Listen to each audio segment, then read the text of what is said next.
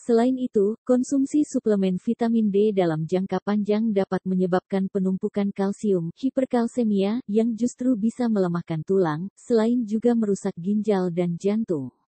Oleh karena itu, sebaiknya Anda berkonsultasi dulu dengan dokter sebelum mengonsumsi suplemen vitamin D, terlebih jika Anda memiliki penyakit atau kondisi medis tertentu. Efektivitas vitamin D untuk COVID-19 memang masih membutuhkan penelitian lebih lanjut. Namun, jika Anda terinfeksi COVID-19, penuhi asupan nutrisi dengan mengonsumsi makanan yang sehat dan kaya akan vitamin serta mineral.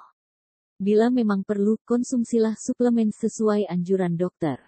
Jangan lupa tetap jalani protokol kesehatan dengan selalu mengenakan masker, menjaga jarak, menghindari kerumunan, dan rajin mencuci bisa tangan. menurunkan risiko terjadinya hipoksia dan penurunan kesadaran pada penderita COVID-19, serta kematian pada penderita yang berusia di atas 40 tahun. Sebaliknya, kekurangan vitamin D diketahui dapat meningkatkan keparahan penyakit COVID-19, terutama pada penderita obesitas dan diabetes. Namun, sayangnya, beberapa hasil di atas hanya berdasarkan penelitian dalam skala kecil. Oleh karena itu, masih dibutuhkan penelitian lebih lanjut untuk memastikan efektivitas vitamin D untuk COVID-19, baik dalam pencegahan maupun pemulihan.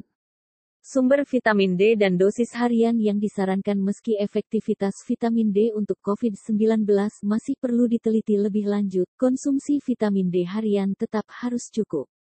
Kekurangan vitamin D dapat menyebabkan berbagai gangguan kesehatan, di antaranya penyakit jantung, hipertensi, diabetes, gangguan sistem kekebalan tubuh, kanker, seperti kanker prostat dan kanker payudara multiple sklerosis, radang paru-paru, pembekuan darah, penyakit pernapasan, seperti tuberkulosis, asma, dan PPOK. Semua gangguan kesehatan ini dapat memperburuk kondisi Anda bila terinfeksi COVID-19. Vitamin D bisa Anda dapatkan dengan beberapa cara, yaitu berjemur di bawah sinar matahari pagi selama 15-20 menit, setidaknya tiga kali seminggu. Mengonsumsi makanan yang kaya akan vitamin D, seperti ikan salmon, daging merah, hati, dan kuning telur. Mengonsumsi suplemen vitamin D namun, konsumsi suplemen vitamin D ini harus sesuai dengan kebutuhan. Jumlah vitamin D harian yang direkomendasikan secara internasional adalah 400 IU untuk anak-anak hingga usia 1 tahun, 600 IU untuk usia 1-70 tahun, dan 800 IU untuk usia 70 tahun ke atas. Hindari mengonsumsi suplemen vitamin D dosis tinggi, apalagi sampai melebihi 4000 IU per hari. Dosis vitamin D yang berlebihan dapat menyebabkan gangguan kesehatan, seperti sakit perut, telinga berdenging, otot tubuh melemah, dan bahkan gagal COVID-19.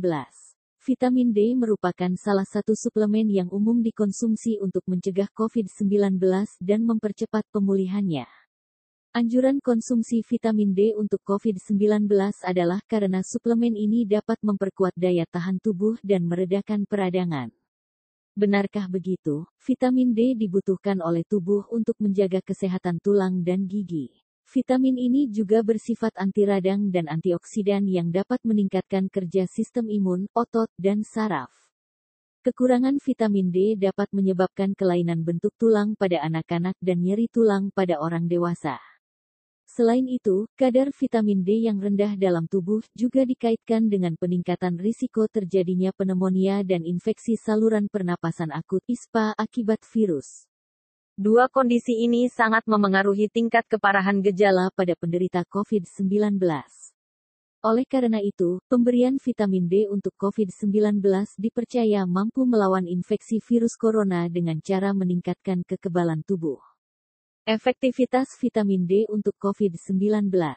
Sampai saat ini, belum ada obat yang dapat menyembuhkan COVID-19.